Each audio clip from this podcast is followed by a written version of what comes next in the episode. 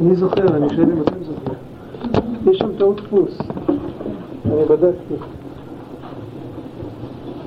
כתוב אה, מאמר ב' עוד ג', נכון? בסוף. צריך להיות הפוך. טוב. על מה דיברנו?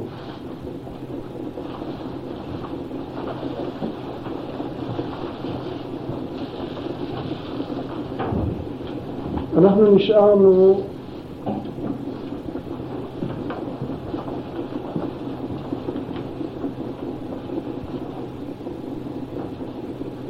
דבר אחד הבנו ודבר אחד לא הבנו. זאת אומרת, דבר אחד הבנו, הוא הסביר את ההבדל בין מעשה ידי אדם למעשה ידי הקדוש ברוך הוא. מעשה ידי אדם זה יש מיש, ומעשה ידי הקדוש ברוך הוא זה יש מאין. היות שהאדם מייצר דברים והוא לא בורא דברים, אז כל מה שהוא עושה, הוא למעשה הוא מזיז דברים ממקום למקום. והוא לא יוצר שום דבר ולכן הוא גם לא צריך ללוות אותם. מעשה השם של יש מאין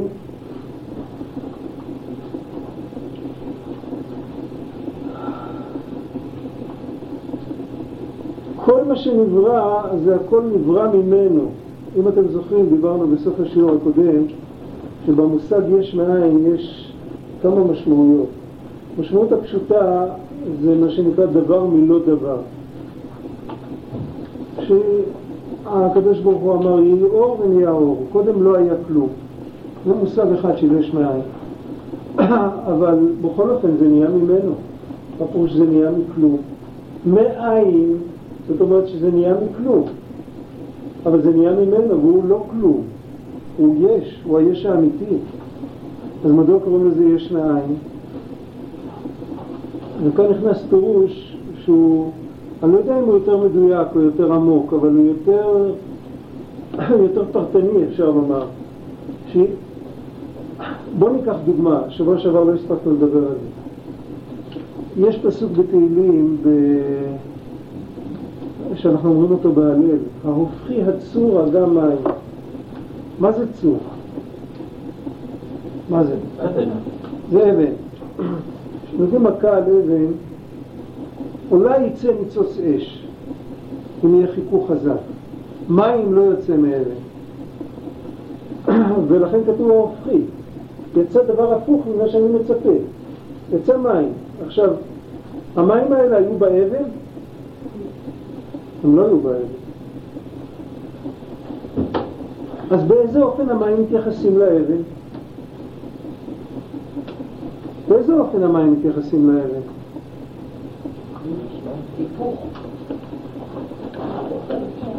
אז הם לא באו מהאבן, גמרנו. אבל הם באו מאין. אבל כשהיכו באבן הם יצאו, אם היו מכים ליד האבן הם לא היו יוצאים. אז באיזשהו אופן יש יחס.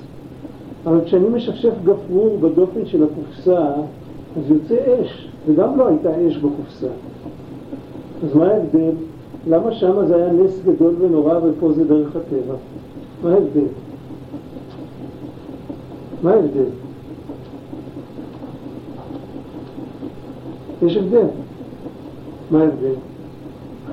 זה ככה צריך להיות. מה פירוש מי קבע שזה ככה צריך להיות? זאת אומרת ככה. זה הטבע שלו, הטבע מהאבן לא מהטבע שלו. יש, יש איזשהו מכנה משותף בין הגפרית ש... שמרוחה שם על הגפרור ועוד איזה חומר, אני יודע, אני לא יודע בדיוק את הנוסחה, את הנוסחה הכימית שלו, יש קשר בין זה לבין שהחיכוך יוצר אש. יש שם פוטנציה של אש, אבל אם יצא מזה מים זה באמת יהיה נס. עכשיו, מה, מה זאת אומרת? זאת אומרת ככה, אש הייתה שם, היא לא הייתה בצורה ממשית, אבל היא הייתה שם. איך היא הייתה? היא הייתה בפוטנציאל. היא לא הייתה, היא לא התחבאה שם, אבל היא הייתה שם. אם אני אקח את האבן הזאת שאני מכה עליה עם מתכת ואני מוציא ממנה אש, אם אני אקח ואני אשים אותה במים, התכונה הזאת לא תלך לאיבוד. אני אוציא אותה מהמים, היא תתייבש, אני אכה עליה, עוד פעם תוציא אש. אם היה שם אש, האש הייתה אמורה להיקוות. אין שם אש, אבל יש שם פוטנציאל של אש. זה יש מאין? לא. בגלל שזה היה באיזשהו אופן בכוח. אבל אם יוצא מהאבן מים, זה יש מאין. כי באבן לא היה פוטנציאל אפילו שיצא ממנה מים. למעשה המים לא יצאו מהאבן, הם נגרעו מחוץ לאבן. אלא שהתנאי היה שיכו על האבן. זה הכל. אותו דבר כשאנחנו מדברים על כוחו של הקדוש ברוך הוא בבריאה, שזה להבדיל אלפי הבדלות. כשאנחנו מדברים על נברא, אפילו על, לא רק על נברא פרטי, על נברא פרטי ודאי, אפילו על בריאת העולם כולו וכל העולמות כולם. אנחנו הרי יודעים היטב שלא זהו גדולתו של הקדוש ברוך הוא שממנו נבראו עולמות. לא זה מבטא את גדולתו. ולכן אי אפשר לומר שהעולם היה בתוכו בפוטנציה ועל ידי איזושהי אמירה אז העולם הזה התגלה. זה נקרא שהעולם לא נברא יש מאין, העולם נתגלה ממנו יתברך כמו שהאש יוצא מהצור. אותו דבר. יש צור החלמיש, איך כתוב שם? הופיע צור אגם מים, חלמיש למיינו מים. צור החלמיש זה משהו כזה, כשמכים עליו יוצא אש. אבל זה שמכים עליו יוצא מים זה פלא. אז אריסטו למשל הבין שהקדוש ברוך הוא ממנו יוצא עולם. באיזשהו אופן, הוא אמר כמו, ה, כמו העמוד והצל, או כמו השמש והאור. כן? זו הייתה ההשגה שלו. מה הייתה ההשגה שלו? ההשגה שלו שהבורא, קודם כל הוא כפר בחופש הבחירה של הבורא. אם הבורא קיים אז חייב להיות עולם. וזה אצל אריסטו העולם הוא קדמון, האלוקים הוא קדמון והעולם הוא קדמון, כי כל זמן שיש אלוקים חייב להיות עולם. כמו שאם יש שמש יש אור. זה טעות מספר אחת, שהוא נתן את החופש. אני לא יודע אם אצלו האדם היה בעל בחירה, יכול להיות במכל שכן וקל וחומר שהאדם לא היה בעל בחירה, אם האלוקים איננו בעל בחירה. אבל חוץ מזה הוא, הוא, הוא כפר באינסופיות של האלוקים, לא רק בחופש. כי מה פתאום העולם הוא צל של האלוקים? העולם הוא מוגבל, האלוקים הוא אינסופי. עכשיו דבר נוסף הוא כפר באינסופיות בגלל שהוא כפר בבחירה. כש, כשאין בחירה לאלוקים אז הוא לא אינסופי. אינסופיות אומרת בחירה. חופש פעולה זה חלק מהאינסופיות שלו. ברגע שהוא לא, שברגע שהוא מחויב במשהו, הוא לא בוחר, אז הוא לא אינסופי, הוא מוגבל. אנחנו, ישראל, עם קרובו, אנחנו מאמינים באמונה שלמה שהעולם נברא יש מאין ברצונו הפשוט וברצונו החופשי. זאת אומרת, זה שיש עולם, שיש כל העולמות כולם, זה לא מבטא איזשהו כוח שהיה כלול בתוך הקדוש ברוך הוא. זה מבטא רק דבר אחד, זה מבטא שהשם יכול הכל. כשהוא יכול הכל, אז הוא יכול עולם כזה, יכול לעשות עולמות אחרים. הארי הקדוש אומר שהקדוש ברוך הוא יכול לברוא עולמות כאלה שאנחנו לא יכולים לדמיין אפילו.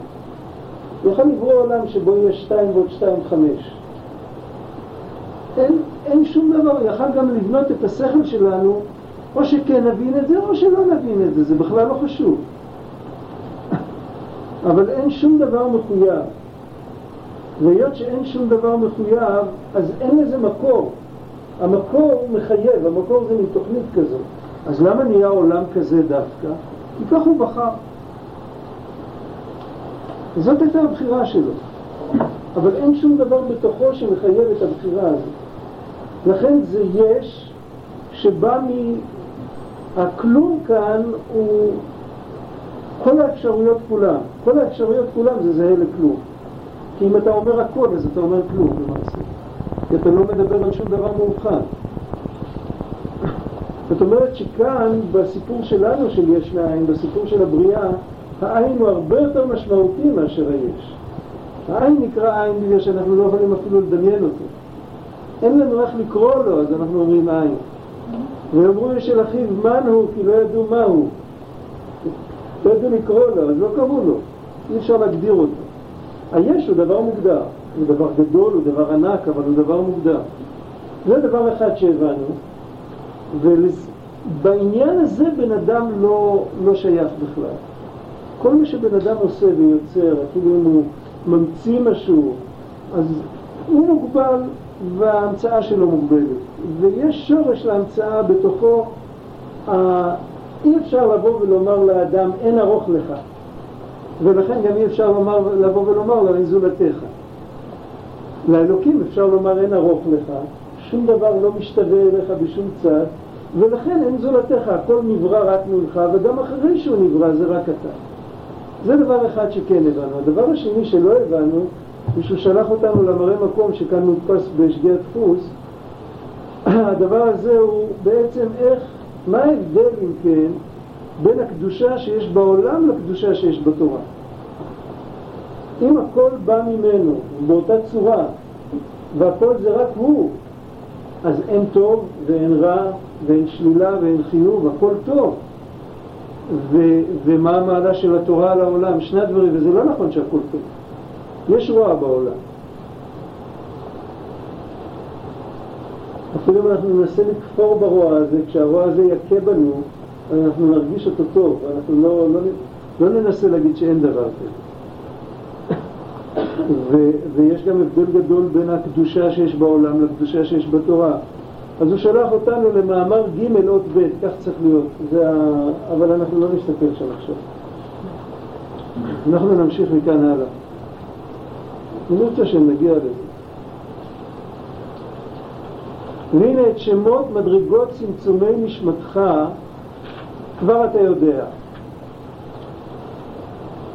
נפש, רוח וכולי, אנחנו יודעים שהצמצומים של הנשמה זה נפש זה הנמוך ביותר, רוח, נפש בכבד, רוח בלב, נשמה במוח, חיה ברצון, באמונה, מעל הגוף, מעל, זאת אומרת מעל לכלי ספציפי בגוף. מי אומר שרוצים עם המוח? כל הגוף רוצה, כל הנפש רוצה.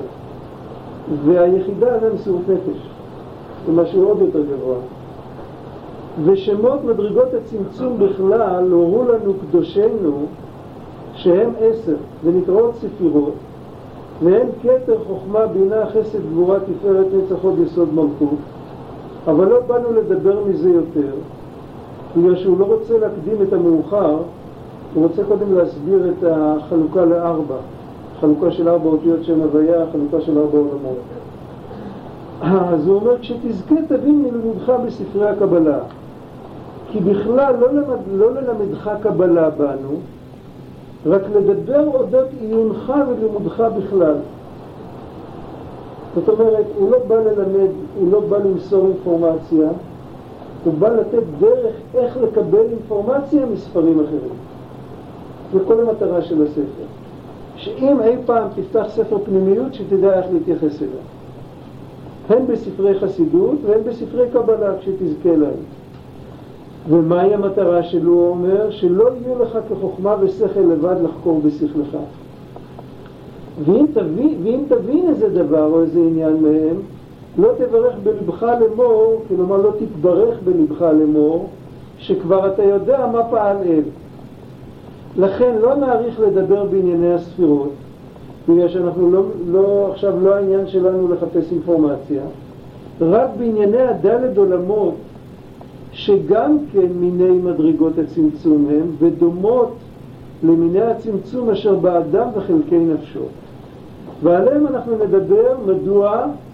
כי דרכם נוכל להבין איך ללמוד על הספירות, איך ללמוד על העולמות, איך ללמוד בכלל כל דבר. אז איכשהו גם, גם כשהוא מדבר על העולמות הוא מאוד מאוד מקמץ בדיבור, אולי נצטרך להרחיב טיפה. הוא אומר ככה, עולם האצילות הוא הכי גבוה, והוא לא מפרט. ושוב צמצם וברא השם את עולם הבריאה, לא, אני קראתי לא נכון, ושוב צמצום וברא השם את עולם הבריאה, ושוב צמצום וישב, ושוב צמצום ויצר את עולם היצירה, ושוב צמצום יותר עד שעשה את עולם העשייה, זה עולם הגס. וכמו גוף האדם, כן גם גוף העולם יונק חיות אלוקות על ידי צמצומי הדלת עולמות זה בזה. וקדושינו ז"ל התקשרו ותלו את צמצום חלקי הנפש בצמצום העולמות. ואמרו שהנפש כשמשתלשלת מן אור אלוקי אשר במרום עד הגוף, כמות הצמצום ואיכות האור שביחידה וחיה, כמות הצמצום ואיכות האור של האצילות היא, אור של הנשמה מהבריאה היא, רוח מיצירה ונפש מעשייה. אוקיי, אז כאן צריך לעצור ולהסביר כי זה נראה לנו ממש שפת חרטומים ו... לא, אפשר להבין שום דבר. ויש כאן גם כמה אפשרויות לטעות בגלל הקיצור, יש כאן אפשרות לטעות מאוד. צריך להבין, באופן כללי צריך לקבוע כאן שני יחסים. אם מדברים על האדם, צריך לקבוע את היחסים שבין הכוחות של האדם לעצמו, ואחר כך לקבוע בנוסף את היחסים שבין כוחות של האדם לקדוש ברוך הוא. וזה לא תמיד מקביל, ואני אפרט מה אני מתכוון. אם למשל ניקח באדם את הקו שמבדיל בין דברים שיש לו בהם בחירה לבין דברים שאין לו בהם בחירה. איפה הקו הזה עובר באדם? במעשים שלנו יש לנו בחירה? שאני אעזור, שנממש את הלטוב. יש לנו בחירה. בדיבורים יש לנו בחירה? כן. קצת יותר בקושי, אבל יש לנו בחירה. מה קורה עם המחשבות? יש לנו פחות, אבל יש לנו בחירה חלקית. אנחנו לא יכולים להחליט אם לחשוב או לא לחשוב, אבל אנחנו בהחלט יכולים לחשוב, להחליט אם לחשוב על כך או לחשוב על כך. אנחנו יכולים להחליט, להחליט אז יש לנו בחירה גם במחשבה. מפתח את כוח החשיבה. מפתח את החשיבה בנושא מסוים, הוא בחירה. אה, מפתח את החשיבה, כן, כן. אם להיכנס למשהו עד הסוף, להתרכז למשל. כן, עכשיו הבנתי. להתרכז זה בבחירה שלנו. אנחנו יכולים גם לא לחשוב על כלום, זאת אומרת לחשוב על הכל ביחד. סתם, לתת למוח שיקלוט את מה שמול העיניים ומול האוזניים. כמו שהולכים ברחוב, סתם, בלי ריכוז. זה גם בחירה. עובדה שאפשר להפסיק את זה, סימן שזה בבחירה. אז יש בזה, יש בחירה, יש ספקטרום שלם של בחירה במחשבה. מה עם האופי שלי? יש לי בחירה. כן, יש לי בחירה מעכשיו לעכשיו, כמו במעשה, כמו במחשבה, לא מעכשיו לעכשיו. יש לי בחירה לא להתחשב בו. אם אני קמצן, אני אתן צדקה, ואני לא אתחשב בו. אבל להפסיק להיות קמצן זה לא עבודה ליום אחד. זה עבודת המידות, נכון? וצריך הרבה סבלנות בשביל זה. אז אם מדברים על בחירה, אם אני אקרא בחירה, מה שתלוי בבחירה הרגע, שבכל עת ובכל שעה יש לי בחירה, אז לאופי שלי אין בחירה. אין לי בחירה באופי. זה לא נכון מדויק, אבל באופן כללי. מה עם הכישרונות שלי? גם יש לי בחירה לאורך זמן לפתח כישרון. אבל כרגע, מרגע לרגע, זאת אומרת, לא יעמידו אותי לדין על אופי, יעמידו אותי לדין על התנהגות.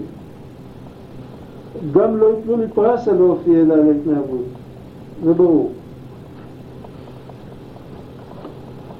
עכשיו, בגלל שאני שולט במעשים, ואני שולט בדיבורים, ואני שולט במחשבות, אני יכול לצפות בהם. לצפות במעשים זה בכלל לא בעיה. כן, אני יכול לעמוד ולעשות דברים ולצפות בעצמי איך שאני עושה את הדברים. אני לא חייב ראי בשביל זה. לצפות בדיבורים זה גם לא בעיה גדולה. אם אני שם לב מה אני מדבר, אני יכול לצפות בדיבורים. לצפות במחשבות זה קצת יותר קשה. הרבי מפיאסצנה, זה שכתב את הספרים האלו, נותן דרך איך לצפות במחשבות. בדרך המלך, יש ספר ידוע ב- ב- בדפוס שהיה לי זה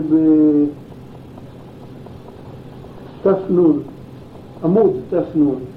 שם הוא נותן דרך איך בן אדם יכול לצפות במחשבות שלו. על כל פנים, מדוע זה? הטכניקה איך לעשות את זה, זה לא נוגע עכשיו, עכשיו נוגע להבנה מדוע זה, מדוע אפשר לצפות במחשבות? בגלל שיש לי עליהם שליטה אז מבחינה מסוימת הם כלים שאני משתמש בהם, הם לא אני. מבחינה מסוימת המחשבה היא שלי, היא לא אני. אני יכול לשלוט בה, אני יכול לצוות עליה, אני יכול, אני יכול לשנות אותה. אפילו המחשבה. האופי זה כבר קצת יותר מתחיל להיות אני. למרות שגם באופי אני אומר האופי שלי, אבל גם על הנשמה אני אומר הנשמה שלי. פשוט ככה השפה בנויה, אין מה לעשות עם זה. אבל זה כבר הרבה יותר, זה כבר הרבה יותר אני.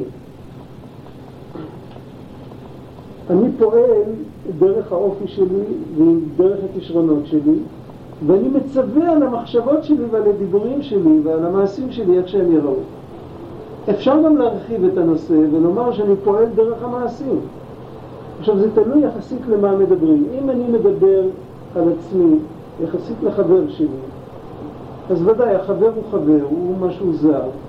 אני, גם המעשים שלי זה עדיין אני, יחסית לחבר, זה ברור. אבל אם אני לא מסתכל על החברים, אני מסתכל רק על עצמי, אני נכנס בתוך עצמי, אני מסתכל רק על עצמי. כשאתה מסתכל רק על עצמך, אז אתה רואה ברור שאת המעש, המעשים, הם תופסים עכשיו את המקום של החבר. העולם שלך הצטמצם עכשיו, הוא יותר קטן. האופק יותר קטן, יש, יש רק את עצמך. אם תרצה לחלק בתוך עצמך, המעשים דומים כמו חבר, הדיבורים יותר קרובים אליך, חבר יותר קרוב, המחשבה זה כמו בת זוג אולי, אבל לא יותר קרוב מזה. מה אתה נשאר בעצמך? אתה נשאר בעצמך עם תכונות האופי שלך ועם היכולות שלך, עם הכישרונות שלך. אפשר ללכת עוד יותר עמוק, הרבה יותר עמוק, ולומר שגם תכונות האופי שלך וגם הכישרונות שלך הם רק כלים שאתה יכול להשתמש בהם. ואז נשאל, ומי אתה בעצמך? אז זה אנחנו כבר לא יכולים להגיד. אנחנו נקבל תשובה ממילה סתומה כזאת כמו עצם הנפש. אי אפשר להבין את. אז אם לא נרצה לגלוש למחוזות שאנחנו לא מבינים אותם, נרצה להישאר במובן, אז אנחנו נוכל לחלק רק כך, נוכל לומר שהאופי שלי והכישרונות שלי זה עדיין אני, וההתנהגות שלי, כל מה שכולל את התנהגות, מחשבה, דיבור ומעשה, זה הדברים שאני שולט בהם. וככה אנחנו מסבירים את ההבדל בין ארבע עולמות שמדברים עשר ספירות שיש בעולם האצילות זה העולם הגבוה ביותר, כך הוא הגדיר את זה כאן. מדוע זה העולם הגבוה ביותר? בגלל ששם הספירות הן מידות של הקדוש ברוך הוא. זה לא דומה למלאכים, זה לא דומה לנשמות, זה לא דומה לנבראים, זה לא דומה לכוכבים ומה זה לא, זה לא דומה לשום דבר. זה דומה היחס שבין הספירות לקדוש ברוך הוא, זה כמו שהיחס שבין האדם, שאמרנו כרגע שאנחנו לא יכולים להבין אותו, גם את הקדוש ברוך הוא אנחנו לא יכולים להבין, ומכל שכן. היחס שבין הקדוש ברוך הוא לספירות, כמו היחס שבין האדם לכוחות שלו, זאת אומרת לאופי ולכישרונות. בשביל זה את אותה חלוקה אנחנו מוצאים בספירות. הכישרונות שלנו מתחלקים לחוכמה בינה דעת, יש בספירות חוכמה בינה דעת. האופי שלנו מתחלק למידות, חסד, גבורה, תפארת, זה האופי שלנו. אז גם בספירות אנחנו מחלקים כך. זה ההשגה שלנו, יותר אנחנו לא יכולים להבין. להבין את ההבדל אנחנו לא מבינים, אנחנו מבינים במה זה דומה. כמובן שההבדל הוא רב על ה... ההבדל הוא רב על הדמיון. הדמיון הוא רק דמיון חיצוני, הוא דמיון במספרים והוא דמיון באפיון הכללי. אבל כמובן שמידותיו של הקדוש ברוך הוא הן אינסופיות, והמידות שלנו מוגבלות, ובכלל אין מה, אין מה להשוות בכלל. אבל על כל פנים אנחנו אומרים שהיחס בין הבורא למידות שלו זה כמו היחס בין האדם לכוחות שלו. זה אופן אחד של הסבר. מצד שני, זה לא נכון. איך אפשר לומר שיש יחס בין הבורא למשהו בכלל? הבורא הוא אינסופי, נכון? הבורא הוא אינסופי. מה עם כל הספירות? אתה קורא להן בשמות? בוא נאמר שספירת החסד היא אינסופית, אבל היא חסד. אז בתור חסד היא כבר לא אינסופית. היא אינסוף של חסד, אבל היא לא אינסוף. אז אם היא לא אינסוף, אז באיזה אופן אתה אומר שהיחס בין הבורא, היחס בין הבורא למידת החסד צריך להיות בדיוק אותו יחס כמו בינו לבין הרצפה הזאת שאנחנו דורכים עליה. כי הוא אינסופי, כמה שתחתית את הרצפה לא תגיע אליו, כמה שתחתית את החסד לא תגיע אליו. להגיע לאין סוף, זה לא משנה כמה גבולים אנחנו נכפיל, נכון? זה חשבון מתמטי פשוט. אז אם כן, באיזה אופן בכלל אנחנו אומרים ש... וזה כתוב בזוהר. בזוהר כתוב שהספירות נקראים רזה דמהנותא. הספירות הן סוד הייחוד, הייחוד הקדוש, האילן הקדוש. הם מיוחדים בו. זה כתוב ברמב"ם, הוא וחוכמתו אחד. הרמב"ם לא מדבר על ספירות. הוא לא קורא להם ספירות. אבל הוא מדבר, הוא וחייו ודעתו, הכל דבר אחד. והוא מתכוון בעצם לומר שזה כך בכל, בכל, בכל ההנהגות שלו, הוא, הוא אחד עם הכל, באיזה אופן זה. אז פה אנחנו צריכים קצת להפעיל את המחשבה שלנו. האמת, אין ארוך אליך, שום דבר לא מתקרב לקדוש ברוך הוא. הקדוש ברוך הוא רם על כל רמים, לית מחשבת כפי שדה. כל, כמה שנכפיל את העולמות ואת הספירות וזה לא נגיע אליו בשום אופן. השאלה היא מה, מה הספירה חשה, אם אפשר לשאול שאלה כזאת. זו שאלה חוצפנית, מצד בן אדם שמלובש בגוף, ישאל שאלה כזאת, מה, מה מרגישה הספירה? מה היא מרגישה? מה היא מרגישה? מצד הקדוש ברוך הוא זה ודאי שלא משנה אם זה אצילות או עשייה, זה הכל אותו דבר. מה מרגישה הספירה? מה היא מרגישה? היא, היא לא מרגישה. זו התשובה. התשובה היא שהיא לא מרגישה. המרגיש הוא הבורא. היא הנהגה שדרכה עובר משהו. זה כמו שדיברנו פעם על האצבעות, מי שזוכר. מה מרגישה האצבע שלי? מי שיבוא ויגיד, תגיד, האצבע שלך מרגישה טוב? זה מצחיק אותנו, כי, כי אנחנו מרגישים שמשהו כאן לא נכון במשפט הזה. אני יכול להרגיש לא טוב בגלל שהאצבע כואבת לי, אבל היא תמיד כואבת לי. אני אומר כואבת לי האצבע. אם אני אגיד כואבת האצבע, לא ידעו האצבע של מי.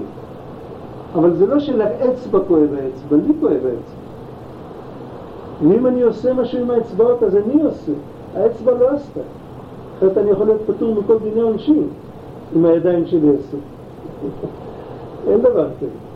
אני עושה, אני חייב לקבל אחריות על הכל, הכל זה אני. כמובן אני משתמש בכל מיני דברים, אז אנחנו רואים שיש מציאות שמשהו עובר, שפע עובר דרך כלי מסוים, ושהכלי לא ירגיש כלום. יש לו את המהות שלו, אבל הוא לא מרגיש שהוא פועל, הוא לא, הוא לא, זה מין בחינה כזאת של...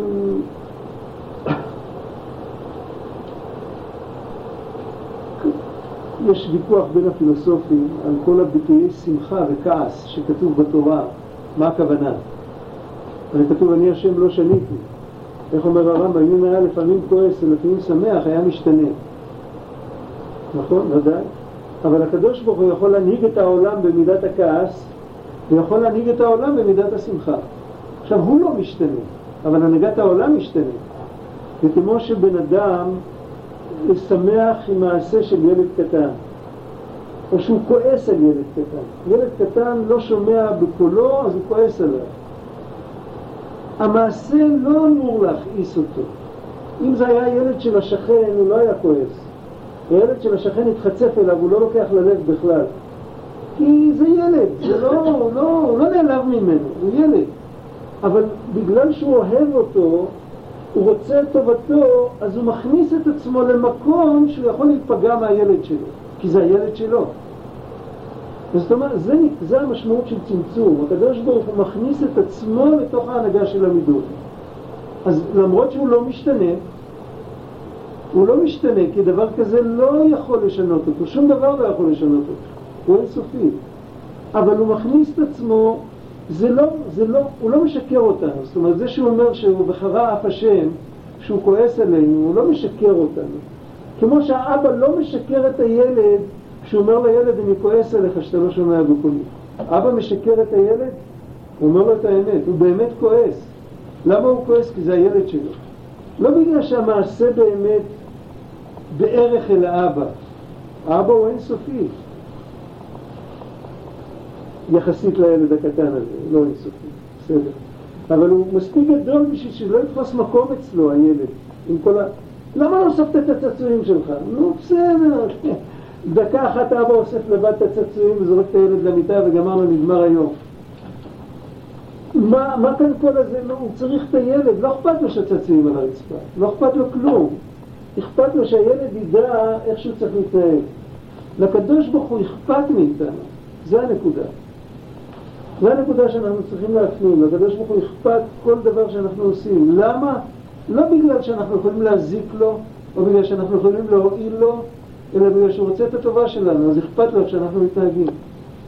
ממנו יוצא שהקדוש ברוך הוא בעצמו מתייחד עם הספירות, והוא מקבל את הפנים שלהם כביכול, והם מצידם מתייחדים איתו, והם לא מרגישים את עצמם כמו האצבעות, ומצד שלישי, אם נעשה את הערך, הם מוגבלים והוא לא מוגבל לגמרי. אם ניקח ערך של ספירה וננסה להכפיל אותה במה שלא יהיה, לא נגיע לאפס קצר של הקדוש ברוך הוא. אבל מצד שני, ההנהגה של העולם עוברת דרך הספירות. עכשיו, זה פחות או יותר זה העניין, צריך לחשוב על זה. מה דומה לזה אצל בן אדם, ומה לא דומה לזה אצל בן אדם, זה גם ייתן לנו יותר אפשרות להבין את זה. מה שדומה לזה אצל בן אדם, זה שהכוחות משקפים את הנפש, הם לא עומדים ברשות עצמם, הם לא נפרדים. העין לא צועקת שהיא, כוח הראייה, בואו לא נדבר על העין, כוח החוכמה, שזה הפנימיות של כוח הראייה, חכמים נקראים עיני העדה. כוח החוכמה לא אומר על עצמו שהוא, שהוא הבין, הוא לא תובע את הכבוד לעצמו. האדם הבין, ראובן הבין בכוח חוכמתו, אבל לא חוכמתו של ראובן הבינה או החכימה. אז בזה זה דומה, בביטול של הכוחות לנפש, זה דומה כמו באצילות. במה זה לא דומה? גם בזה שהנפש נכנסת לתוך הכוחות ופועלת דרכם, זה קצת דומה, זה לא לגמרי דומה. הנפש באמת מתפעלת מענייני העולם. הנפש כשהיא מתלבשת בחוכמה היא נהנית מהחוכמה, החוכמה מוסיפה לה. הנפש כשהיא כועסת היא באמת כועסת. בן אדם לא יכול להגיד אני אדם לא שניתי. הקדוש ברוך הוא יכול להגיד אני השם לא שניתי. זה ברור ההבדל. עכשיו דבר, וכל זה נובע מההבדל העיקרי, האדם הוא מוגבל, גם הנפש, שהיא פשוטה לגמרי, אין בה, אין בה שום ניואנסים, היא כאילו אחדותית ומשהו למעלה מההשגה שלנו, נכון? היא לגמרי למעלה מההשגה שלנו, אבל אנחנו מאמינים באמונה שלנו שהיא עדיין מוגבלת. יש בתוכה ניצוץ אלוקי שהוא לא מוגבל, אבל היא מוגבלת. הנפש מוגבלת. האלוקים לא מוגבל. אז בואו נסכם, חבל שאין פה לוח. זה באמת היה עוזר. בואו נסכם ככה. ההתחלה, נלך עם סדר, סדר הגיוני, אז נוכל להבין את זה יותר טוב. הקדוש ברוך הוא לא מוגבל והאדם הוא מוגבל, גם החלק הרוחני שבו מוגבל וגם עצם נפשו מוגבלת. הקדוש ברוך הוא מנהיג את העולם דרך עשר ספירות, עשרת הספירות לא מרגישות את עצמן בנפרד, כמו שהאצבעות שלנו לא מרגישות את עצמן בנפרד. אותו דבר האדם פועל בעולם דרך עשר כוחות שהם לא מרגישים את עצמם בנפרד.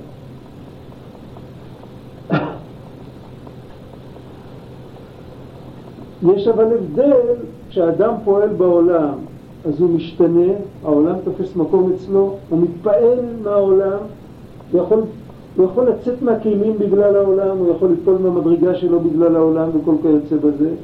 השם יתברך פועל בעולם, הוא לא מתפעל מענייני העולם. וזה שכתוב בפסוקים שהוא שש ושמח ועצוב וכל זה, זה בגלל שהוא מראה כדי ללמד אותנו וזה שהוא מראה זה לא בשקר, אלא זה נתן את הדוגמה של אבא וילד. של אבא גדול וילד קטן, שיכול להיות אבא באמת גדול, לא רק גדול בשנים, יכול להיות באמת אדם גדול, שבאמת לא אכפת לו כל כך הכבוד שלו, דברים כאלה, ואף על פי כן אכפת לו. זה פחות או יותר, זה המשל שאנחנו מדמים את ה, מה שקורה בנפש לעולם האצילות. מה שאומר כאן, לכאורה הבנו משהו. אנחנו צריכים לדעת שלא הבנו שום דבר עדיין. מדוע? אני קצת מקדים את המאוחר, יש שאומר שבעצם את איזה עולם האצילות תיארו לנו, גם לא רק את הדמיון שזה דומה לנו, גם את השוני, מה ששונה מאיתנו, כל מה שתיארו לנו, לא תיארו לנו את עולם האצילות האמיתי, תיארו לנו את, את הנקודה בנפש שמסוגלת להבין את עולם האצילות. את זה קלטנו. יש, יש ייצוג בנשמה שלנו של כל העולמות, של כל הספירות, ושל כל הזמנים ושל הכל. הכל נמצא בתוך הנשמה. יש חלק בנשמה שיכול להתחבר לראש השנה, יש חלק שיכול להתחבר לפורים, יש חלק שיכול להתחבר ליום כיפור, יש חלק שמתחבר לאצילות, יש חלק שמתחבר לעשייה, יש חלק שמתחבר לחוכמה, יש חלק שמתחבר למלכות. יש לנו בתוך החלק הזה בנפש, החלק הזה שמסוגל לבטא את המציאות של עולם האצילות למעלה, את החלק הזה אנחנו מבינים, את החלק בנפש שלנו. זה ההשגה שלנו בעולם האצילות. את עולם האצילות עצמו אין לנו שום דרך להבין. אנחנו בתוך גוף, אנחנו לא מבינים סנטימטר החוצה מהגוף. אם רק בן אדם עומד אה, בפני איום של מוות קרוב, אמרו לו, יש לך עוד שבועיים לחיות, יש לכם רופא אתה יודע כמה הוא חכם שאומר דבר כזה, אבל לפעמים החולה מאריך ימים יותר מהרופא אחר כך. אבל כשאומרים לבן אדם דבר כזה, והוא מאמין, רק אז הוא מתחיל להיפתח, להבין עד כמה הוא לא מבין מה קורה בלי גוף. ורק כשזה אמיתי, כשאנחנו עכשיו מדמיינים את זה, אם זה לא חווייתי אצלנו, אפילו את, את השגת השלילה אין לנו, אנחנו לא יודעים מה אנחנו לא מבינים. ברגע שבן אדם עומד פנים אל פנים מול המוות, ככה, בצורה כזאת שהוא בטוח שעוד רגע יורים בו, או שעוד רגע הוא מתפגר ממחלה או משהו כזה, באותו רגע הוא מקבל, באותו רגע הוא מתבגר, הוא יוצא מהילדותיות שלו.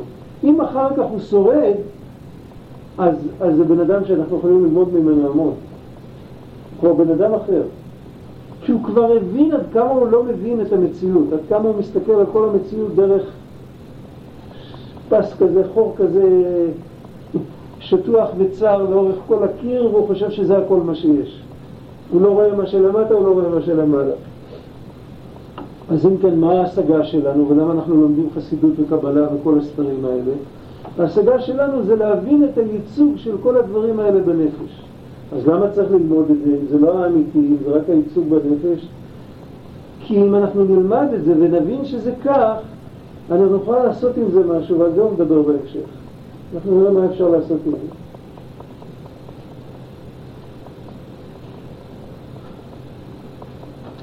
עכשיו, למה דומים שלושת העולמות שמתחת לעולם האצילות? אז יש לנו את עולם הבריאה, את עולם היצירה ואת עולם העשייה, ששלושת העולמות האלה הם כנגד החשיבה והדיבור והמעשה.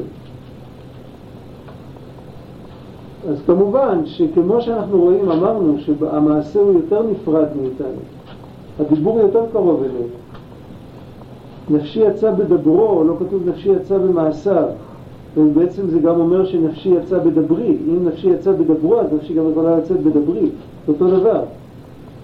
ואם אה, אם לא, אם, אם נפשי לא יוצאת במעשיו, הנפשי גם לא יוצאת במעשיי. זאת אומרת, הנפש מתבטאת בדיבור הרבה יותר, ובמחשבה עוד יותר. המחשבה היא הכי קרובה. אז מזה אפשר להבין איזשהו יחס שיש בין עולם הבריאה לעולם היצירה ולעולם העשייה. אבל עוד פעם, כמו שאת עולם האצילות הבנו רק דרך הנפש שלנו, גם את עולם הבריאה אנחנו מבינים רק דרך הנפש שלנו. כל זמן שאנחנו בגוף, אין לנו שום מושג בעולמות האמיתיים. אין לנו אפילו הקדמה למושג. ואותו דבר בעולם היצירה ואותו דבר בעולם העשייה הרוחני. את עולם העשייה הגשמי אנחנו רואים. עולם העשייה הרוחני זה הפנימיות של עולם העשייה. ואת הפנימיות אנחנו בדרך כלל מפספסים. פה יש לנו קצת יותר בחירה, אבל אה, אם לא מקדישים לזה הרבה זמן אז לא רואים את זה. עכשיו הוא מפרט, מי אשר זוכה לחיה ויחידה מה פירוש שהוא זוכה לחיה ויחידה? לכל אחד יש. אבל כשהוא זוכה שזה מתגלה אצלו. אז קדושתו וערך ז- ז- זכותו, נכון? ככה זה מנוקד אצלכם, אצלנו בלי נקודות, אה? זכותו. אז קדושתו וערך זכותו, קדושת וזכות עולם האצילות היא. והנשמה, הנשמה שהיא בנפש רוח נשמה, זאת אומרת מבחינת נשמה שנצטמצמה יותר, אורה מבריאה, שגם עולם הבריאה נתמעט אורה בצמצומה יותר על צמצום עולם האצילות, וכולי. ואל תדמה שלכל אחד יש נפש רוח נשמה חיה יחידה שוות. זאת אומרת, לפי זה יצא לנו שכל ההבדל הוא שאצל ראובן התגלתה הנשמה, אצל שמעון התגלתה רק הרוח. אז לכן ראובן יותר גדול משמעון, אבל הרוח של ראובן והרוח של שמעון והנשמה של ראובן והנשמה של שמעון הם אותו דבר. אומר, גם זה לא נכון. חוץ מזה שיש הבדלים מה התגלה, יש גם הבדל עקרוני בין כל אחד ואחד. כי עכשיו הוא חוזר למשל של שבוע שעבר, זוכרים את המשפך עם הבקבוק, מי שהיה פה. כי האם לכל צלוחית יש משפך אחד שווה בגודלו? צלוחית זה בקבוק בעברית של ימינו, גם בעברית התנ"כית.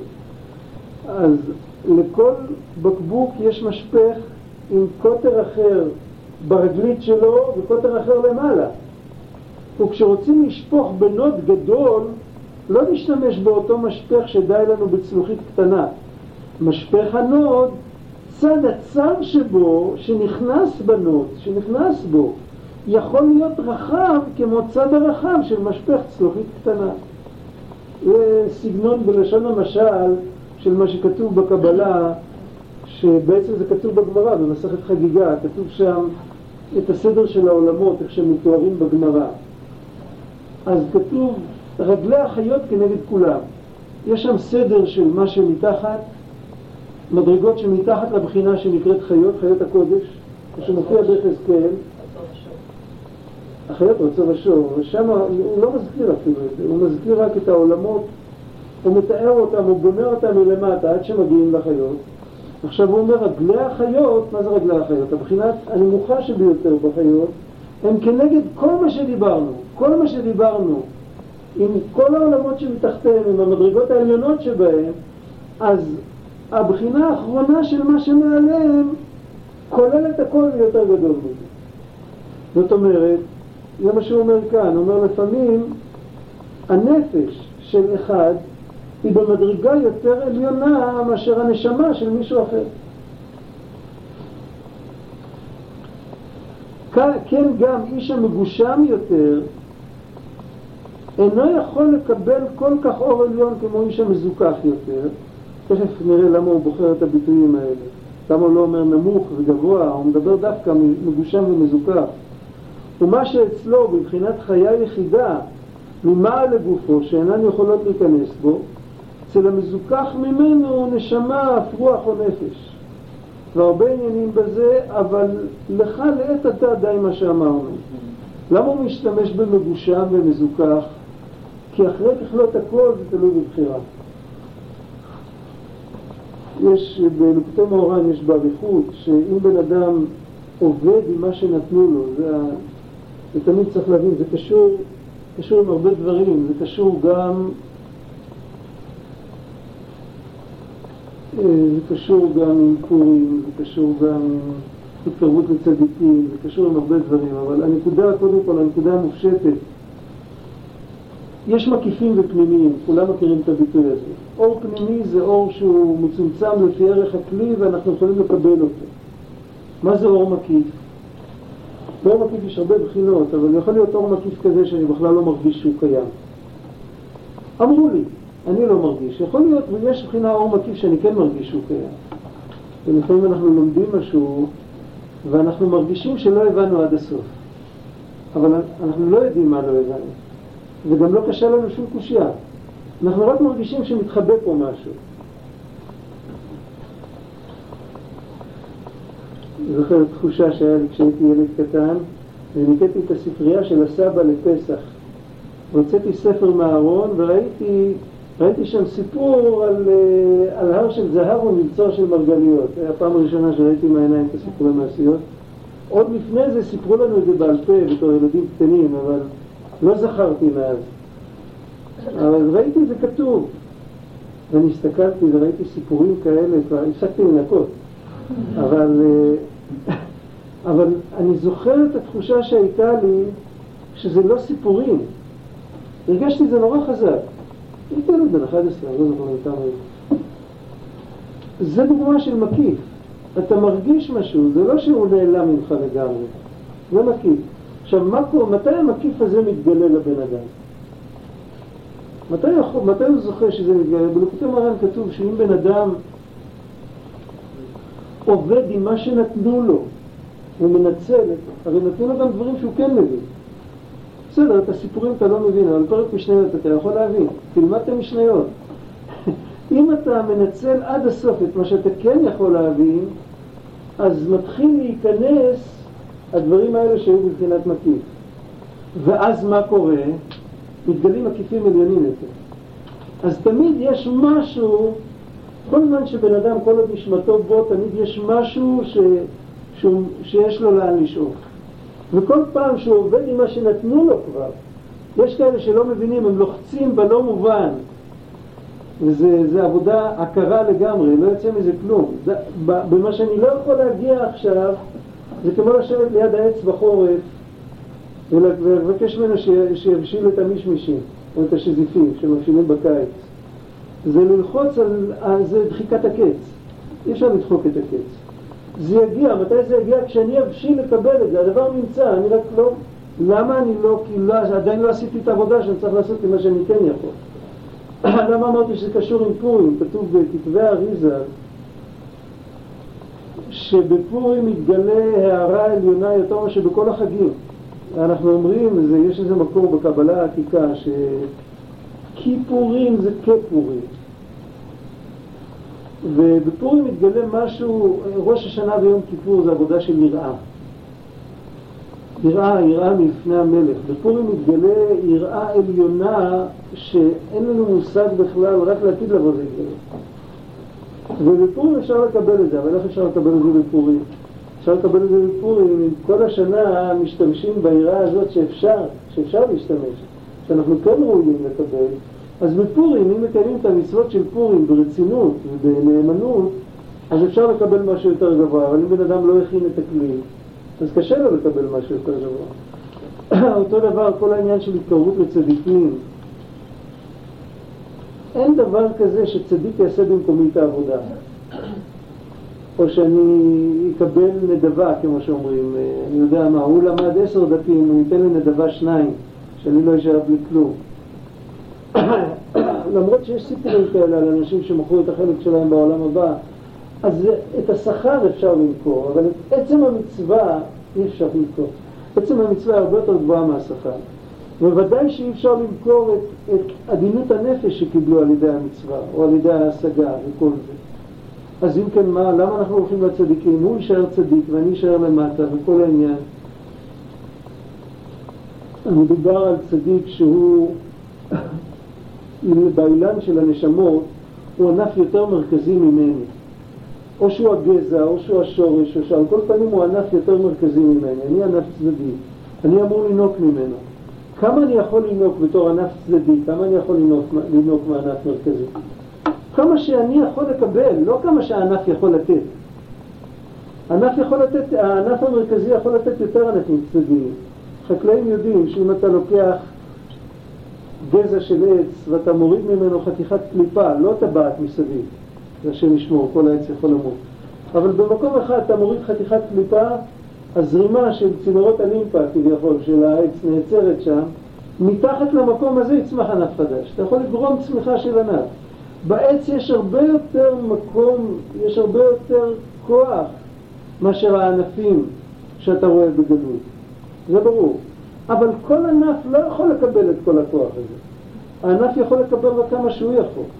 אבל אם הוא משתהה והוא מקבל את כל הכוח שהוא יכול לקבל, ולא נכנסה בו שום תולעת ושום דבר לא פגע בו, במשך הזמן הוא יכול להפוך ענף מרכזי שממנו יצאו ענפים צדדיים. וככה העניין. זאת אומרת, זה עניין של התקרבות לצדיקים, זה עניין שקודם כל בן אדם עושה עם, הכוחות שלו את מה שהוא יכול. כשהוא עושה עם הכוחות שלו מה שהוא יכול, בנוסף לזה הוא מקורב לצדיק, אז הוא יכול לקבל מהצדיק בגלל שהכלי שלו יתרחב. לא בגלל שהצדיק מוותר לו על, כמו שאומרים, קח אתה לא צריך לעבוד, בוא נוותר לך, ניתן לך צ'ופרים. אין דבר כזה. זכרנו את הדגה אשר נאכל במצרים חינם, כתוב בזוהר הקדוש, שהרוח הטומאה היא תמיד מגיעה חינם. במצרים אפשר לקבל מתנות חינם. בקדושה צריך לעבוד, לא מקבלים שום דבר בחינם. אבל אם עובדים, אז ומקבלים כלי, ועל ידי הכלי אפשר לקבל יותר ממה שאני יכול למלות אותו. וכשיש לי כלי שיכול להתמלות יותר ממה שאני יכול למלות אותו, אז אני, יכול, אני מתחבר לצדיק והוא ממלא לי את הכלי. אני מתמלא ממנו. כל זמן שלא הכנתי כלי, אני לא יכול לעשות שום דבר. לכן הוא משתמש כאן בביטוי אה, מגושם יותר ומזוכח יותר, כי זה ביטוי שתלוי בבחירה של האדם. אם היה אומר נמוך יותר וגבוה יותר, אז היינו עומדים מול אה, קיר שאי אפשר לעבור אותו, כאילו, מה אפשר לעשות? אני נמוך, מה אני יכול לעשות? כשלא מדובר על נמוך וגבוה, מדובר על מזוכח יותר. זאת אומרת, במדרגה הנמוכה שלך, אם תזדכך תעשה כלי, ואז אפילו אם הכלי הוא קטן, אבל אתה תקבל את אותו יהלום שמקבל הגדול. אתה יכול, אפשר, יהודי יכול להתפתח, אבל אם הוא לא מזדכך, אז יכול להיות שמה שהוא מקבל זה קצת, וכל מה שאחרים כבר כן יזדככו ויכולים לקבל לגביו, זה נשאר מקיף, וזה אצלו כמו חיה יחידה. זה פחות או יותר מה שהוא רוצה לומר כאן. השם יעזור, שניקח את עצמנו בידיים, נתחיל לעשות משהו. שיהיה פורים שמח לכולם, נשמע בשורות טובות. אני מזכיר לכולכם שיש כאן תקופת הדקה, ועוד שבועיים יש הכנסת כלה. שלום עליכם.